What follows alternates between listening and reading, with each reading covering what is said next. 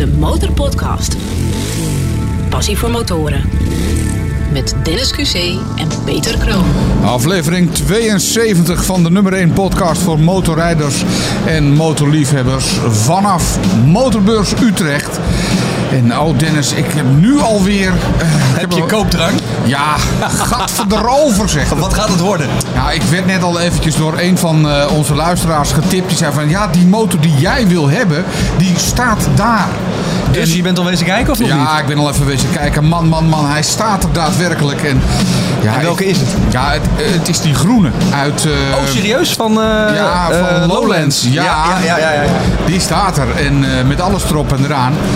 Dus ja, dan... Ga er zo meteen even naartoe. Beschrijf hem even straks in de podcast. Ja, nou, ik, ik kan er nu al het een en ander over vertellen. Het, het, het is een, een Harley Becker en dan helemaal aangepast en verlaagd, verbreed, hoogstuur. Nou, ah, Moeten we een, eh, moeten we een fundraising doen? Eh, nou, ik denk dat misschien de creditcard wel even laat krullen. Dat zou zomaar Misschien moet je natuurlijk. kerkkamer even hier laten voordat je gaat kijken. Ja, het, het is... Nee, je moet hem gewoon kopen. Want misschien win je aankoopbedrag terug, hè? Nou Nee. ja, dat, eh, dat zou helemaal fraai zijn. Want Ja. inderdaad, als je van plan bent om een motor te kopen op motorbeurs, dan eh, is de kans vrij groot. Groter dan eh, de staatsloterij winnen, eh, werd, werd mij verteld. eh, dat je hem dus terug kunt winnen. Of tenminste het aankoopbedrag. Nou, hoe mooi is dat? Heb jij, heb jij al iets gezien waarvan je bij jezelf Nou, denkt... ik eh, vrees het als ik rond ga lopen. Want het, ik, ik ben toch een beetje aan het kijken naar een 1000 cc in plaats van de Honda CBR 600 die ik nu heb. Dus het, eh, mijn oog valt toch op een, op een R1. En ik heb net ook wat mooie Suzuki's eh, zien staan bij Motorport die mijn eh, interesse hebben. Dus misschien ga ik nog even shoppen bij de buren straks. Het is, het is, eh, we hebben het zwaar. Dat Misschien denk- moeten we gesponsord worden, jongens. Ja, dat is echt. eh, ach, met al die mooie speeltjes hier eh, bij Motorbeurs eh, Utrecht. We gaan gauw naar onze gast, De Motorpodcast. Achter het vizier van Corwin. Corwin, welkom. Ja, dankjewel. Jij bent vriend van de show. Ja, Dus zeker. dank daarvoor. Graag gedaan. En jij bent luisteraar Superleuk. van het eerste uur, eh, hoorden wij. Ja, ja, ja. Ik heb de motorpodcast eh, gevonden in de, in de app stores. Ja. En toen ben ik aan het scrollen geweest. En vanaf het eerste moment eigenlijk de podcast luisteren. En ik, ja, dat is interessant. En dan eh, vooral de eerste aflevering. Dat is gelijk een goede binnenkomen van reizen. En ja, Ja. dat spreekt gewoon enorm aan. Dat is, dat is wat je wil. Te motor stappen en rijden en gaan. Ja. Want ben je zelf ook een, een motorreiziger? Of Ja, ik ben wel een motorreiziger. Ik heb nog niet alle tijd en geld om eh, verre reizen te maken. Maar eh, dat komt er zeker wel aan, ja. ja, ja. De eerste vraag die we aan iedereen stellen is... Een Honda Transalp uit eh, 2006, een 650. Nou, kennen de meeste mensen de Honda Transalp wel. Maar voor de mensen die hem niet kennen, omschrijf eens wat voor motor dat is. Het is een, eh een allroad motor en dan een iets lichtere segment. Een eh 650 cc tweecilinder, een eh, V2 met eh, ongeveer een 50 pk. Genoeg om eh, lekker vooruit te komen, maar je kunt er zeker geen hoge snelheden mee rijden. Maar daar is hij niet voor bedoeld. Lekker Ja. reizen, meenemen, bagage erop gooien en gaan. Wat voor, eh, wat voor reizen heb je ermee gemaakt tot nu toe? Eh, korte ritjes heb ik er veel mee gedaan nog. En vorig jaar zijn we de eerste keer eh, ver weg geweest. Een lang motorweekend in eh, Luxemburg. Oh, dat is ook leuk. Ja, Luxemburg is ook een van mijn favoriete plekken om te rijden. Hè. Wegen mooi, lekker strak en eh, eh, fijne hotels. En eh, hoe heet dat nou? De, de, de Lidl Stelvio, hebben die ook geprobeerd? Daar? Nee, we zijn eh, de 1001 bochtenroute deze rijden, geloof ik. Oh ja, die, die, zit die niet Maar dat stop- is toch met een hele grote groep, eh, dat is toch met heel veel rijders ook, of niet?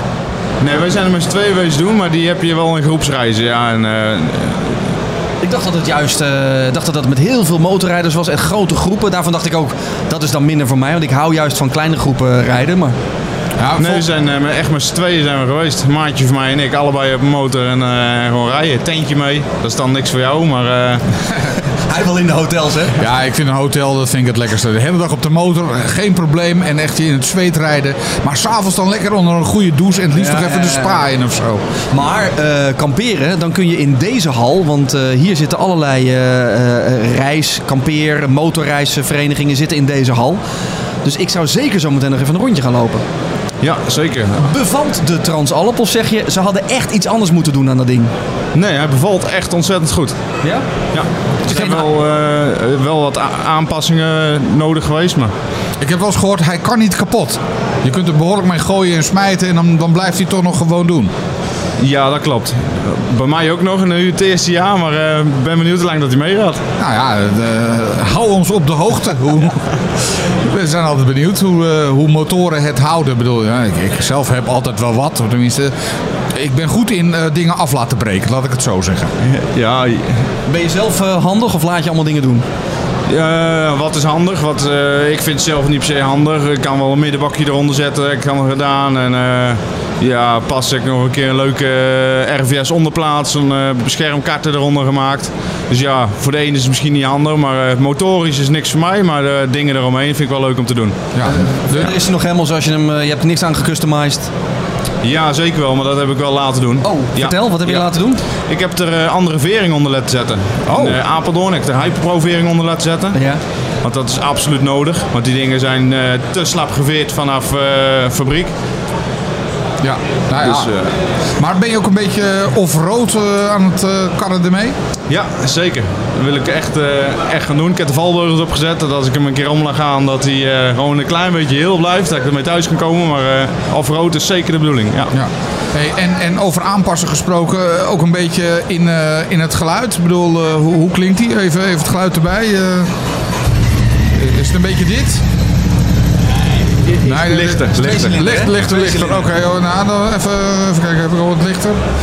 Ik zit even gauw door mijn eh, geluiden. eh, nou. Nou, dan is dit het zeker niet. Nee. Nee, nee, nee. Eh, even nee. kijken hoor, misschien klinkt hij wel een klein beetje zo. eh. Of is dat het ook niet? Nee, dat is meer die van Dennis. Ja, nee, dat is die van Dennis. Ja, nee, ja, goed. Het is te eh, strak en te diep allemaal. eh. Oké, nou dan- komen we op het geluid later nog terug. Maar ehm, heb je ook iets aan het geluid laten doen? Ofwel een andere uitlaat erop? Of... Nee, ik vind eh, juist die originele vind ik heel mooi. Dan eh, hoor je gewoon het, eh, het echte geluid. En eh, ik vind de uitlaat zelf ook mooi vormgegeven. Dus eh, Ja, nou, maar dan, moet, je- dan moet je er ook niet aan rommelen. Als, als het al oké is, dan is het, eh, dan, dan is het oké. ja, nee, Hey. precies genoeg. Wat verwacht je van de beurs vandaag? Heb je iets op het oog? Heb je zoiets van, nou, ik kijk eventueel naar een nieuwe of nieuwe spulletjes voor je Transalp? Of wat kan het ja, worden? De, de nieuwe Transalp is net uitgekomen, de 750. Eh, en daar ben ik heel benieuwd naar om hem te zien, om erop te zitten, om te voelen. Ik vind hem, eh, de prijzen zijn vorige week uitgekomen. Dat is nog wel eh, inderdaad, eh word je wel hebberig van. Maar dan eh, ga je creditkaart wel krullen, ja. Maar eh, nee, dat, eh, die wil ik echt heel graag zien. En voor de rest, eh, qua reizen wil ik ook alle spullen wel even zien, ja. Nou, maak zo zeker even een rondje en eh, nou ja, hou ons op de hoogte. Meld je weer hier bij eh, de Motorpodcast. De Motorpodcast. Peter, het is eh, enorm druk in onze stand. Niet alleen met mensen die eh, patatjes eten en pizza zitten te verorberen hier. Maar ook met fans, luisteraars, vrienden van de show. En mensen die mooie verhalen hebben. En eh, er kwam iemand onze stand ingelopen, Yvonne. Yvonne Smit, welkom bij de Motorpodcast. Hallo. Ehm, ja, zullen we met de eerste vraag beginnen? Ja, dat is goed. Onze eerste vraag is altijd... het? Waar rij je op? Hele lastige vraag. Vertel, want jij zei, ik heb de meest discutabele motor van de motorbeurs. Nou, waar rij je dan op? Op een eh, elektrische Oeral zijspan. Hè? Oh, Ja, oké. En weer uitgelachen. Nee, niet Nee. uit, gewoon toegelachen. We lachen je toe. we hebben veel gehoord, maar eh Oeral, Check. elektrisch Check. en zijspan. Check. Dat zijn drie bijzondere dingen. Ja. Eh, laat ik met de eerste vraag beginnen. Waarom rij je elektrisch? Ehm, ik merk dat heel veel mensen moeilijk hebben met de motorgezelschap zoals het op dit moment is. Heel veel motorrijders vinden lawaai maken of mooi geluid is gewoon voor heel veel anderen anders een discutabel puntje. En ehm, ik denk dat de wereld gewoon eraan toe is om een klein beetje verbeterd te worden. Dat wil niet zeggen dat iedereen elektrisch moet rijden hoor, echt niet. Iedereen moet gewoon lekker doen wat hij zin in heeft. Alleen ik kom op plekken waar ik anderen te ontlast ben als ik gewoon lekker offroad wil rijden en, en hun komen daar voor hun rust. En we moeten toch samen op deze wereld met elkaar doen. Ja, maar waar kom je dan? Waar rij jij dan met, eh, met je Oeral zijspan Electric? Ja, oké. Even, ehm, even een klein beetje terugspoelen. Want ehm, ik ben niet alleen. Dat wil zeggen, ehm, wij zijn Oeral Electric. En dat is een, een team van studenten van HBO, MBO en universitair. die eh, samen met mij en eh Philip Jonker een eh Ural frame hebben laten exporteren uit Kazachstan. En hebben hem elektrisch gebouwd. Oké, hij komt dus niet zo uit de fabriek. Jullie hebben hem echt gemaakt. Check. En hij is ook bij ons te koop. Hey. Dus dat is het bijzondere. Het is niet alleen maar zijspan rijden. En het is niet een custom made. Maar hij is te koop. Maar hoe kom je op het idee? Ja, je zei net al een klein beetje. Ik kom op plekken eh, waar rust noodzakelijk is. Dus eh, dan, daarom kiezen we voor elektrisch. Maar een Oeral uit, eh, ja, dat is toch Rusland eigenlijk, hè? of tenminste die Ja. hoek. En dan een zijspan. Ik, ik vind het echt inderdaad een hele omstreden combi. Ja. Ehm, nou, laten we beginnen bij het begin. Motorrijden is gewoon genieten van elkaar, genieten van de natuur, genieten van, eh, van leuk bezig zijn. En het is niet zo vervelend als je de hele week zakelijk gereden hebt en je hebt je kilometers moeten maken. Je komt thuis, super mooi weer.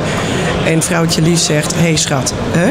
vanmiddag ik heb een afspraak gemaakt, 100 kilometer verderop. En wij gaan koffie drinken. En jij zegt, ja, maar dan gaan we met de motor. Ja, nee, ik wil niet mee achterop. Oh, en dan, dan, dan komt het zijspan in beeld. Ja, hoe fijn is dat? Dat je gewoon kunt zeggen van, zullen we dan samen de zijspan pakken? En elektrische cabrio's zijn er gewoon nog niet. Nee. En een paar jaar geleden, toen dacht iedereen elektrisch autorijden, nou dat gaat nooit wat worden. En ja, moet je kijken hoeveel mensen in je eigen omgeving nu al elektrisch, Tesla, weet ik veel, allemaal rijden. Het wordt steeds meer. Het wordt nooit 100%, maar dat hoeft ook niet.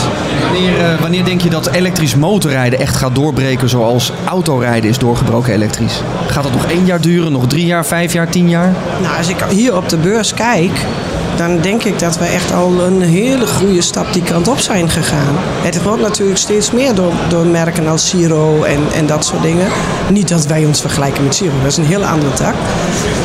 Maar het is, het is gewoon, het wordt steeds meer een dingetje. Wat is, eh, wat is er anders aan een Ural dan aan een Zero of een, eh, een, een Energica?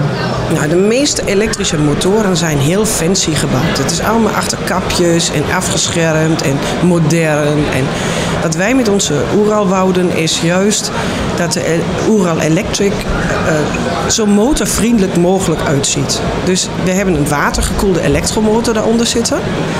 En de koelvloeistof bevindt zich ook in de tank. Dus je ziet het koelwater heel mooi lopen. Je ziet je elektromotor en je staat naast de motor en je praat erover. Want is er toch niks mooier dan...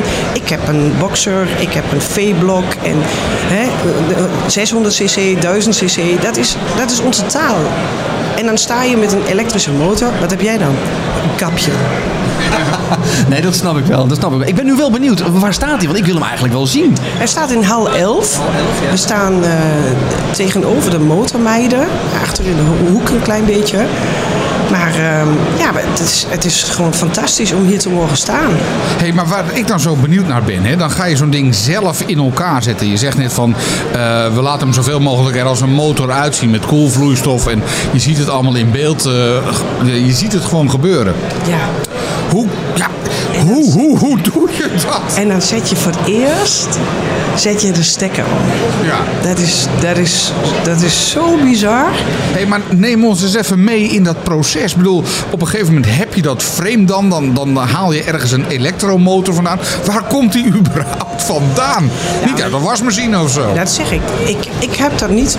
Wij doen, ik doe het niet echt, zeker niet alleen. Wij zijn echt een team en we hebben onderwijs laag en technisch.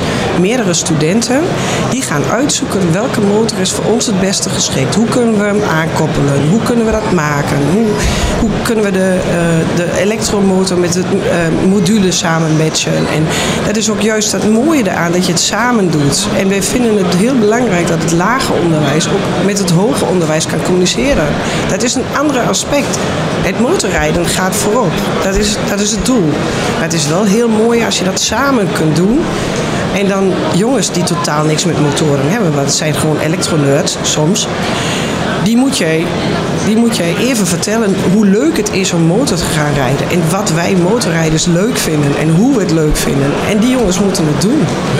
En eh, uite- uiteindelijk is het natuurlijk ook belangrijk dat eh, er genoeg elektromonteurs zijn die ook elektrische motorfietsen kunnen repareren, kunnen onderhouden. Want zometeen gaan we allemaal elektrisch rijden, ooit, of veel meer elektrisch rijden. Die dingen moeten wel onderhouden worden.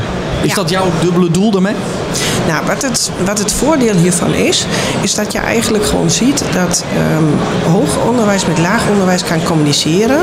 Maar hoe vaak heb je wel niet dat je je auto naar de garage brengt? Het eerste wat de monteur doet is niet de motorkap open. Nee, het is stekker erin, laptopje open, kijken wat, wat zeurt de auto.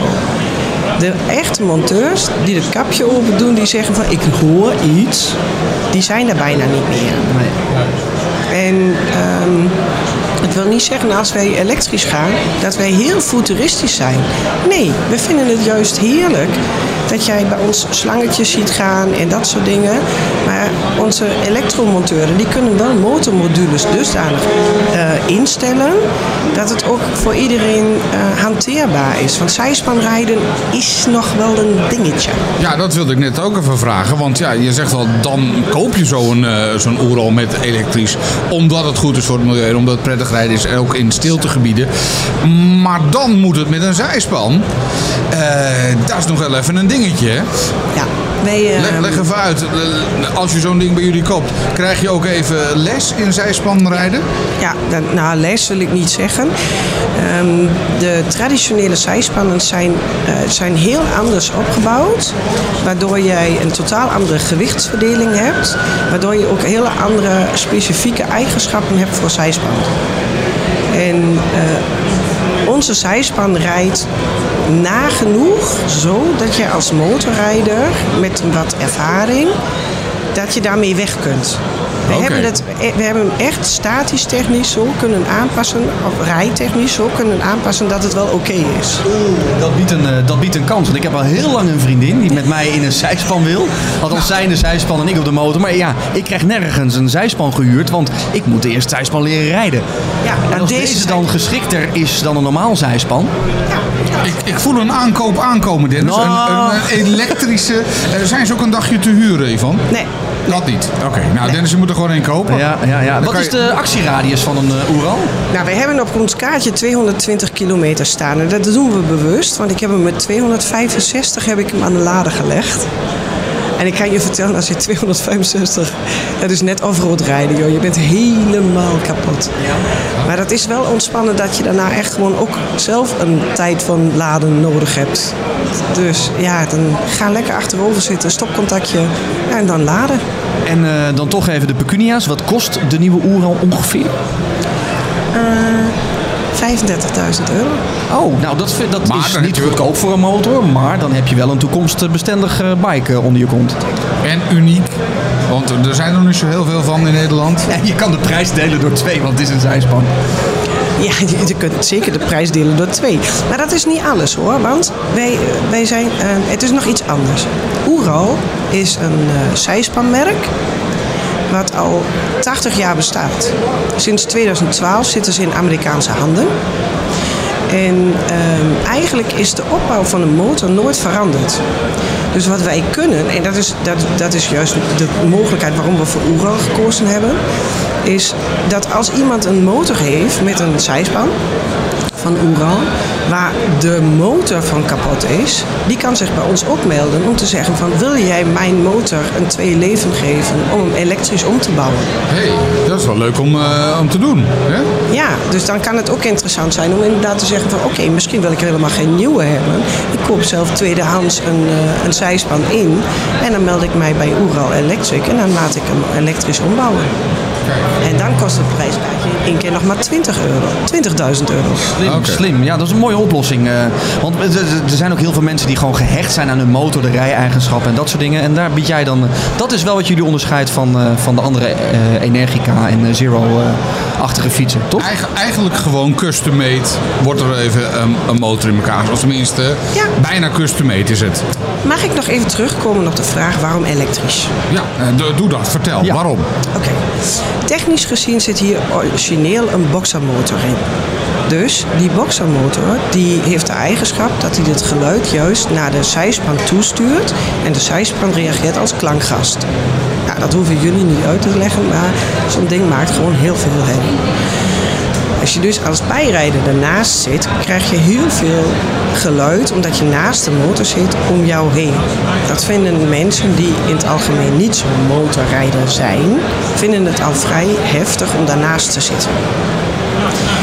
Ehm, wij hebben deze motor ook gebouwd omdat het juist heel fijn is voor mensen om motor te kunnen rijden in stilte.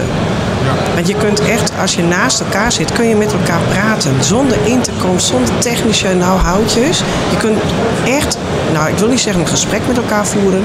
Maar je kunt een box voorin liggen, podcast luisteren.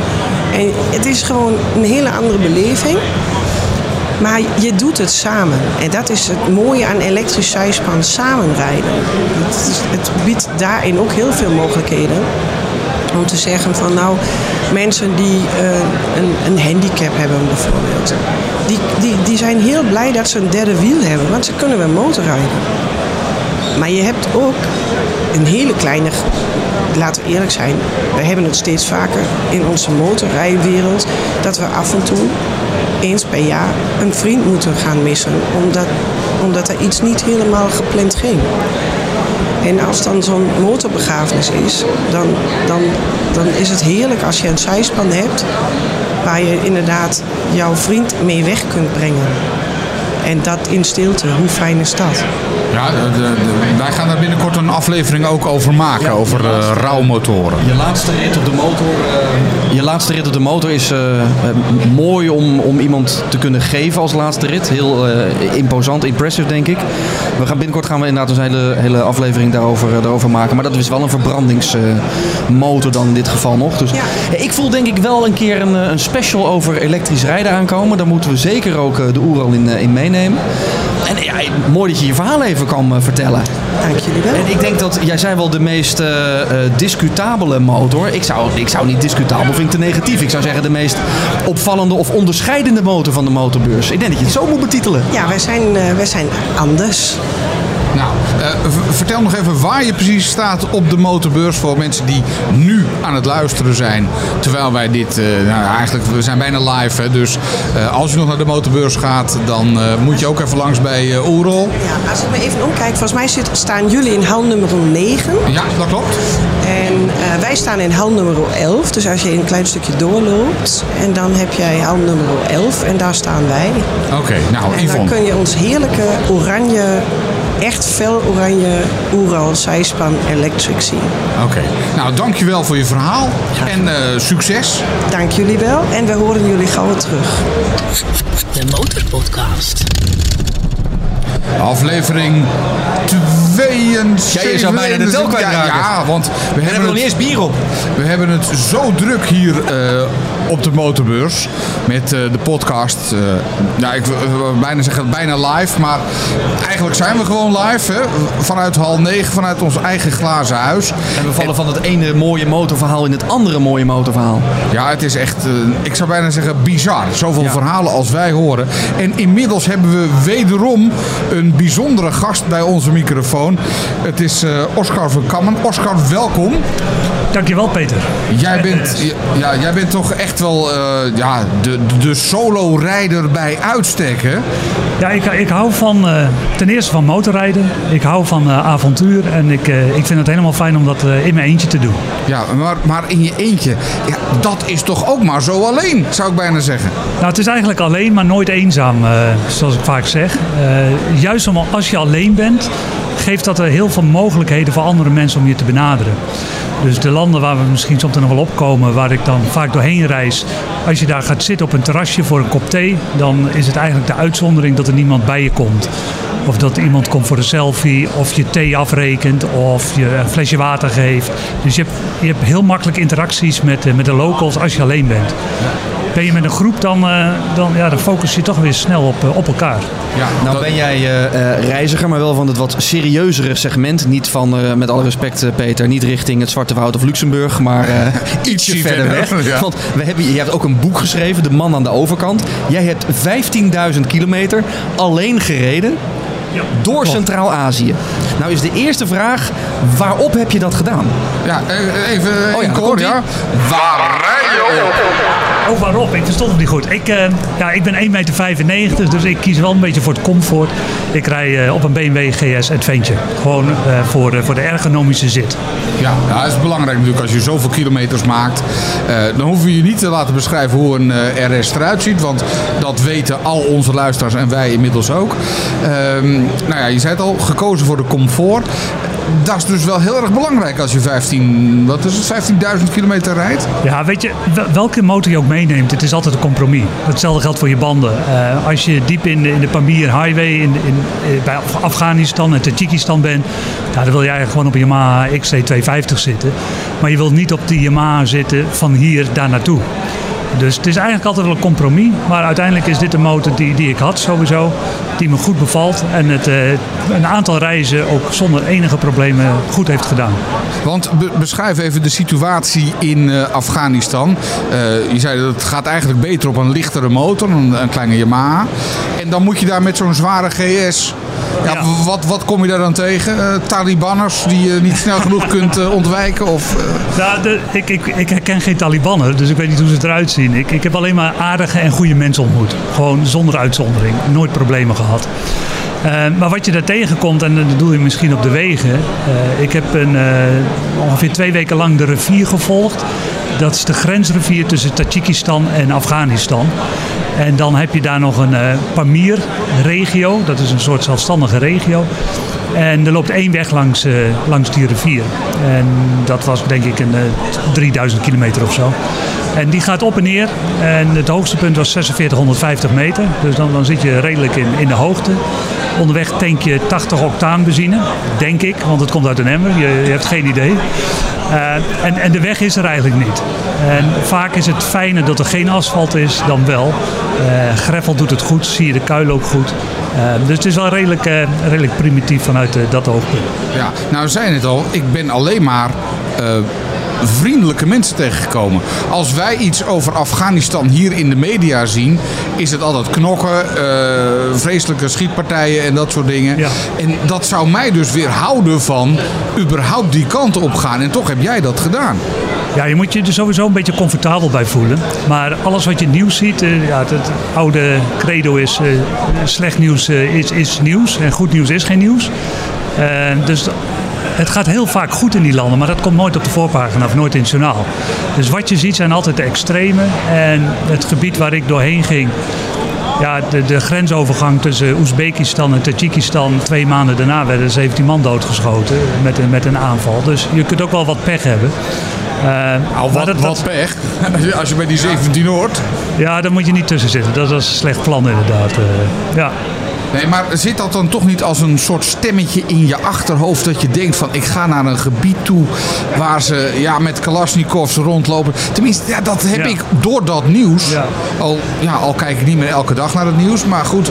Nou, dat klopt wel. En, en als je gaat en als je in de voorbereiding zit, dan speelt het ook wel mee. Maar op het moment dat je eenmaal daar bent, in de laatste reis, reed ik s'nachts om half één door Bagdad. Nou ja, dat is wel een stad waar wij eh, met z'n allen wel een beeld bij hebben. En als je er eenmaal bent, voelt dat gewoon prettig en goed. Je, je moet je wel blijven informeren. Weet je, zoals in Irak, als je richting de grens met Jordanië komt, dat is wel echt ISIS-gebied. Nou, daar heb je niks te zoeken. En als je er wel doorheen wil, dan moet je aansluiten bij een militaire kolonne. Maar voor de rest, je bent bezig met je rijden, navigatie, slapen, eten. Met, met de mensen. Eh, eh, eh, na, na een paar dagen voelt het gewoon als, ja, als, als de realiteit en hoe het is. Wat, wat tref je aan voorbereidingen? Want je zegt hè, hotels, grensovernachtingen. Wat doe je aan voorbereiding? Re- relatief weinig. Ik kijk natuurlijk met name naar wat heb je nodig qua visa. En in de laatste reis heb je ook een canette passage nodig voor je motor. Iran-visum is, is wel handig als je die van tevoren regelt, maar dat is eigenlijk het enige wat ik heb geregeld. Ik heb dan een grof plan en in, eh, van de, ook van de route, maar dat is echt heel grof, dus een beetje op landniveau. Maar een land als Iran kijk je wel van, dit is ongeveer mijn plan, maar wat zou een backup plan kunnen zijn? En heb ik daar iets voor nodig wat ik van tevoren moet regelen? En voor de rest de motorgrote beurt, eh, tank vol en, en gaan. En waar komen die plannen vandaan? Ik bedoel, hoe ben jij überhaupt op dit idee gekomen om dit zo te gaan doen?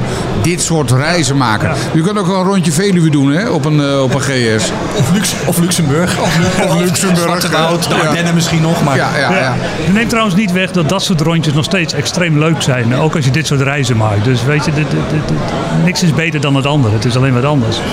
Ik moet zeggen, ik ben mijn hele leven wel redelijk avontuurlijk geweest. Eh, dus begin jaren 20, to- toen ik net 20 was, ging ik met mijn vriendin toen, nu mijn vrouw, gingen we al wekenlang eh, in Zweden kanoën. Ik heb iets van 15 jaar lang een paragliding gedaan in de Franse Alpen. En, en toen gingen we ook al naar India om te vliegen. Dus het, het cultuur opzoeken en de verre landen zit er altijd wel wat in. Ja, ja. Maar dan is, het, dan is het toch veel leuker om met je vrouw samen op reis te gaan? Of rijdt zij niet? Zij, zij rijdt niet en eh, ze heeft er ook voor gekozen om niet achterop mee te gaan. Wat, wat wel een, voor mij was een optie geweest, maar alleen als ze er gewoon 110, 120 procent zin in had gehad. En eh, al anders werkt het niet. Nee, want, maar je bent dus nog wel eens even, even een postie van huis. Hoe, eh, hoe gaat dat? Ja, ja, nou dat gaat altijd wat makkelijk als je wat achteraan in je carrière zit. eh, tenminste over het algemeen. Eh, ik heb een eigen bedrijf en ja, dan maak ik gewoon de keuze dat ik zes maanden gewoon verminderde inkomsten heb. En ja, dat, dat is dan gewoon de consequentie. Deze reizen hebben allebei drie maanden geduurd. Nou, eh, je hebt het over inkomsten, maar wat zijn de uitgaven ongeveer? Want jij bent gereden van, hier, ik zie hier het kopje van Noord-Holland tot eh, eh, Noordoost-Kirgizië. Wat kost zoiets in 15.000 kilometer? Ja, dat, dat heb ik niet helemaal paraat. Als je verder wegkomt, wordt het over het algemeen wel goedkoper. Eten kost gewoon geen pukkel. Ik, ik slaap vaak in mijn tentje, dus dat, dat, dat kost dan ook ineens niks. Eh, je, je eet in een guesthouse voor, voor 3, 4 euro. Dus de, de grote uitgave voor deze reis is uiteindelijk wel de benzine. Maar in de laatste reis in Iran tank je voor 3 cent de liter. Eh, dus dat, dat valt dan ook ineens van mee. Eh, is het transport terug van je motor? Want ik, dit zijn reizen die ergens eindigen en dan laat ik de motor terugbrengen. Dus transport en dan zelf terugvliegen, dat zijn vaak de grote kostenposten. Ja. Oké. Hey, nou zei je het al, eh, benzine hartstikke goedkoop. Hè? Een paar cent in Iran en Irak. Maar het kan dus ook zomaar 80 octaan benzine Ja. zijn. En dan, ja, ik weet niet hoe jouw motor daarop reageert, maar die van mij gaat dan pruttelen. Ja, nou, je, je merkt het wel. Maar zo- zo'n BMW heeft 125 eh, pk. Ja, als je, als je de 100 kwijtraakt, dan, eh, dan kom je nog steeds vooruit. Dus eh, ik kwam wel motoren tegen met nog carburateurs. Ja, die, die moesten op het laatst bijstappen. Zeker op die hoogte van 46, 150 meter. Maar de BMW heeft het gewoon fantastisch gedaan. Oké, nou dat is wel goed om te weten. Want hier moet je toch eh, wat, 95 hebben we in ieder geval. En het liefst 98 natuurlijk. Ja, als ik ook ergens in een stadje kom en ik zie ineens 98 of 95, dan... Helemaal, helemaal vol dan. Ja, een biertje voor mij en, eh, en 98 voor de motor. Een biertje voor mij en 98 voor de man. Dat vind ik wel een goed motto. eh. Die kunnen we in Nederland ook wel bij elke pomp erin houden, hoor, vind ik. eh. Voor mensen die nu zitten te luisteren, hè, want ik weet zeker dat er nu iemand zit te luisteren die denkt van ja, zo'n trip en het is allemaal makkelijker gezegd dan gedaan. En zes maanden vrij nemen. Ik twijfel toch een beetje. Maar ja, als ik dan die foto's zo zie hier, ja, het ziet er prachtig uit. Wat zeg jij tegen mensen die twijfelen over een motorreis die ver buiten Europa moet gaan? Nou, als dat je eerste motorreis is, dan zou ik zeggen, doe het lekker in Europa. Ga, ga Scandinavië in, rij door de Franse Alpen, pak Oost-Europa. Maar als je dat allemaal hebt gehad en daar comfortabel bij bent, dan het lastigste van dit soort reizen is gewoon de eerste twee dagen. Weet je, je laat eh, je vrouw achter, de kinderen achter. Je gaat toch een onzeker avontuur tegemoet. Eh, dus als je daar even doorheen bijt, dan, eh, dan, dan kom je er wel. Dus uiteindelijk is het een kwestie van gaan. Eh, datum prikken, eraan vasthouden en eh, opstappen, wegwezen. Nou, nou zijn wij ook altijd wel een beetje benieuwd naar de dingen die dan minder goed gegaan zijn tijdens zo'n reis. Hè? Eh, het mag een meest memorabel motormoment zijn. Roep eens, is het, het kan niet altijd allemaal goed gaan, Oscar. Nou, ik, ik heb weinig bijzonderheden meegemaakt in de zin van dingen die slecht gingen. De motor ging nooit kapot, ik ben nooit gevallen, dat, dat soort dingen. Maar wat, de laatste reis was wel heel bijzonder. Ik ben een paar weken in Saudi-Arabië geweest. Nou, een redelijk conservatief land, dat, dat, weten we. En bij het aanvragen van een visum, toen ik mijn visum kreeg, stond daar twee voorwaarden in. Als niet-moslim mag je niet naar Mekka. En als niet-moslim mag je niet in Medina komen. En kom je op de rondweg bij Mekka, dan staan gewoon letterlijk, dat zijn gewoon vier, vijf baanswegen. Dan is de rechterbaan niet-moslim, staat non-moslim boven en dan word je de stad omgeleid. Hoe Maar- bedoel je apartheid? Hè? Ja, Dat is, eh, ja dat, dat zijn de regels. Eh, maar weet je, op zich is het niet zo'n probleem. Want als je bij de stad aankomt, dan heb je altijd politie-checkpoints en dan word je wel weggestuurd. Alleen, ik kwam helemaal door de bergen, kleine weggetjes, eh, kwam ik eigenlijk via de achterdeur Medina binnen. En ik had wel iets van, ah, ik wil toch wel even in de stad kijken, misschien overnachten. Dus ik vond zowaar een hotel. En in Medina heb je de moskee waar Mohammed begraven ligt, de profeet van de moslims. En daar kunnen in de hoogtijdagen kunnen een miljoen mensen in. Zo groot is dat. Dus die hele stad is afgeladen van moslims. En er komen dus nooit niet-moslims. Dus het was direct een oploopje bij het hotel toen ik aankwam met mijn motor. En toen ik 's wakker werd, lag er een briefje van, eh, van het hotel of ik me om vijf uur 's middags bij de manager wilde melden. Nou, prima. Maar ze lieten me wel toe in het hotel, dus dat was goed. Ik ben de stad ingegaan en binnen een half uur had ik twee man van de geheime politie op mijn staart. En die hebben me, de, ik ben drie dagen geweest in Medina, die hebben me drie dagen lang continu gevolgd. Eh, die wilden weten wat ik aan het doen was. En ik denk dat ze mijn telefoon konden trekken eh, via je visumnummer. Dat moet je ook aangeven als je simkaartje koopt. Dus de geheime politie drie dagen achter me aan. Maar toen ik smiddags om vijf uur in het hotel kwam en me meldde bij die manager, stond de hele lobby stond vol met mensen. En eh, ik werd onthaald met een toespraak. Ik kreeg letterlijk een bos rozen van 75 rozen. En er was een tweede bos waar die werd uitgedeeld aan iedereen. En er stond daar, ik denk anderhalf bij anderhalf meter, een taart met mijn foto erop. Die hadden ze van mijn Instagram-account gehaald. En eh, dat, dat was een welkomstontvangst voor de eerste motorrijder in het hotel. Oké, want ik wou net zeggen, hoe kunnen ze aan, aan, aan iemand met een helm op zien of die moslim is of niet? Maar misschien eh, is, de, is de BMW GS niet echt heel erg populair in eh, Ja, Irak. het, het is snel duidelijk dat, dat je geen local bent. Dat denk ik zeker, maar wat een mooi verhaal, joh. Ja. Had, je iets anders verwacht dan dat, ont, dan, da- dat ontvangst? Nou, ik denk als je, als je van tevoren bedenkt wat kan er gebeuren, dan kwam dit niet eh, als scenario naar voren. Dit, eh, ah, de, de hele dag geheime politie aan en s'avonds rozen met taart. Nee, deze had ik niet bedacht. Ik, eh, Maar zo zie je maar, met open vizier, letterlijk en figuurlijk, gewoon in een avontuur stappen, positiviteit uitstralen en er gewoon positief in staan. En gewoon denken, ja, zolang ik niet word tegengehouden en vriendelijk ben naar iedereen, gaat de wereld voor je open. ja, en een beetje naïviteit helpt ook wel. En, en ook wel luisteren. Ik ben ook wel eens ergens weggestuurd door de politie. En, of in ieder geval, ik mocht dan niet ergens overnachten. En de dag daarna hoorde ik dat ze anderhalf uur met elkaar aan het schieten waren geweest. Dus af en toe op zijn tijd luisteren, dat eh, betaalt ook wel uit. Nou heb ik, eh, ik heb jouw boek voor me, De Man aan de Overkant. Eh, als je meer van deze reisverhalen wil lezen, van dit reisverhaal wil lezen, ik, ik ga gewoon dit boek kopen van Oscar. De Man aan de Overkant. Er staan 212 pagina's in, met als laatste de pagina Weer terug thuis. Wat, wat deel jij voordat jij thuis komt allemaal onderweg met je vrouw? Eh, nou, bij- bij, nou, niet alles, want er is gewoon te veel. Eh, de, de wat spannende dingen. Dus als ik s'nachts door Bagdad rijd, dat, dat denk ik, dat, dat vertel ik dan drie dagen later. Dus er zit altijd een beetje vertraging in de verhalen. Eh, en in de laatste reis kwam ik ook, ben ik geen andere reizigers tegengekomen. En dus, dus onderweg waren er weinig mogelijkheden om ervaringen en gebeurtenissen te delen. Dus ik kwam wel terug met een vat vol eh, verhalen die nog niet verteld waren en nog niet verwerkt. Eh, maar in principe alles natuurlijk. Hey, maar beschrijf eens eh, een nacht in, in Bagdad. Ik, bedoel, ik kan me daar zo weinig bij voorstellen. Ja, wat het enige wat ik op televisie zie is narigheid. Maar hoe is dat s'nachts op de motor in Bagdad? Ja. Nou, wat er gebeurde. Vanwege mijn vorige reis word ik op internet, op Facebook eh, redelijk gevolgd door allemaal mensen die ik niet ken. Maar heel veel op een of andere manier moslims. Eh, in ieder geval mensen uit dat soort landen.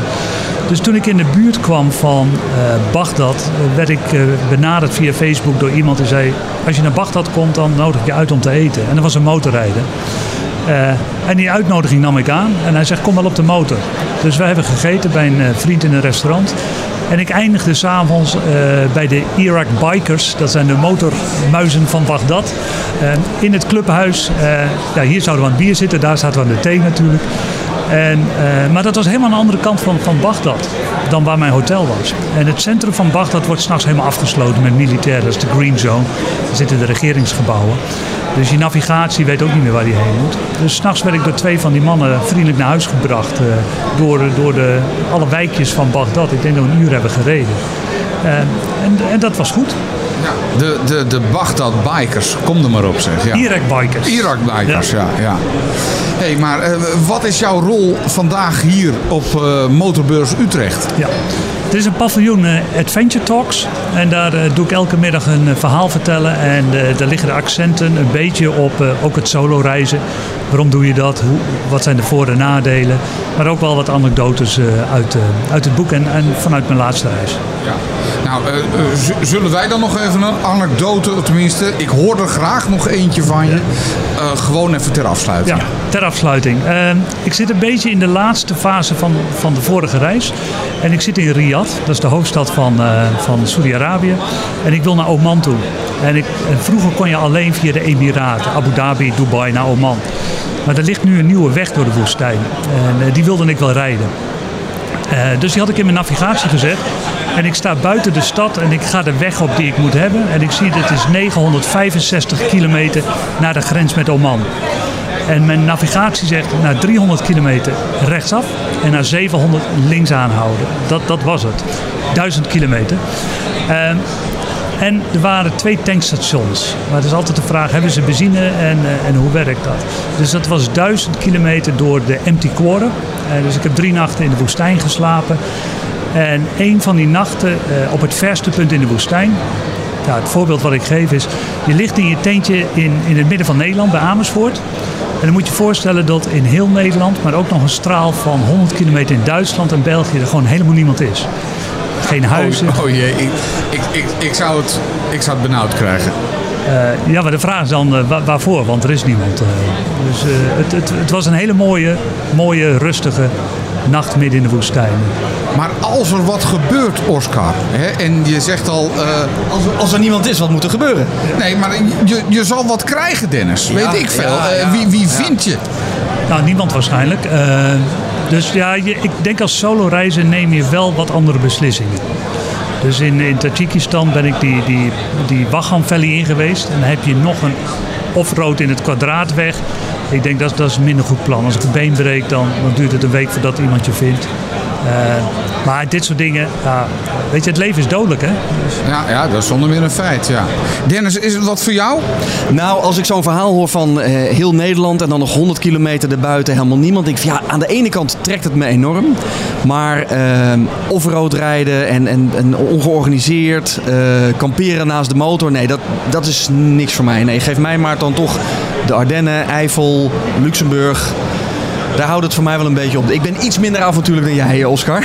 Ja, uiteindelijk is de bedoeling dat je gewoon dat, datgene kiest en doet wat bij je past. En voor de een is dat alleen, voor de ander is het met een koppeltje en de derde is dat georganiseerd. Eh, alles is goed. Ik wil, eh, ik wil één voorstel doen. Dat als jij je volgende motorreis gaat maken. En die gaat naar. Nou, Noord-Pakistan staat wel erg hoog op mijn lijstje. Ja. Dan denk ik dat wij gewoon een afspraak moeten maken. Dat jij na de reis naar Noord-Pakistan bij ons langskomt in de studio. En we gewoon een hele aflevering met jou op gaan nemen. En voor de mensen die nu willen smullen van jouw verhaal. eh, koop het boek van Oscar Verkamman. De man aan de overkant. We zullen even een link in de show notes zetten. Want dit is een fantastische eh, motorreisavontuur door Centraal-Azië. Oscar, dankjewel. Ja, jullie bedankt mannen. Motorpodcast. Gratis in je favoriete podcast app.